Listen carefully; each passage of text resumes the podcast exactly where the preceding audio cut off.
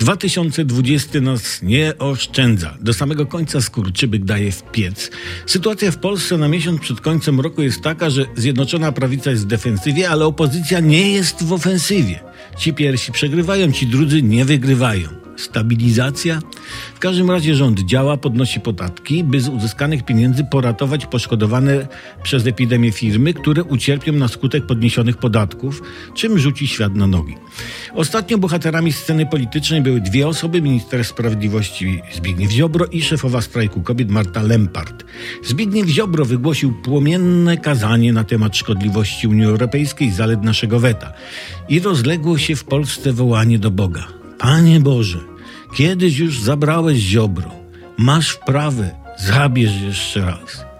Maria Lempart z kolei wsławiła się klnięciem i pluciem na policjanta i ona już nie jest lewaczką, a raczej polewaczką a 2020 jeszcze się nie skończył, a niektórzy już podejmują w związku z 2020 pochopne kroki.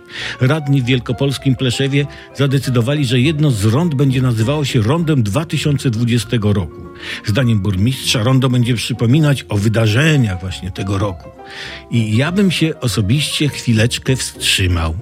Jasne, rok 2020 był jaki był, ale przecież przed nami jest 2021 i może rondo zasłuży na nazwę Rondo roku 2021. Jak to mówią, nie chwal sarenki po kopytkach, dopóki nie spojrzysz w oczy innej sarence.